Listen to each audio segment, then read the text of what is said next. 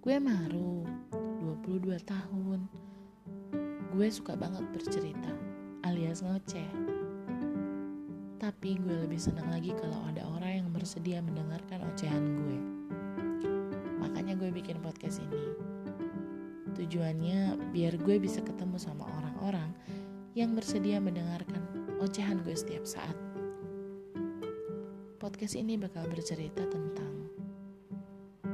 hal-hal yang terjadi sama gue dalam seminggu terakhir. Tapi tenang, podcast ini gak bakalan seserius itu kok.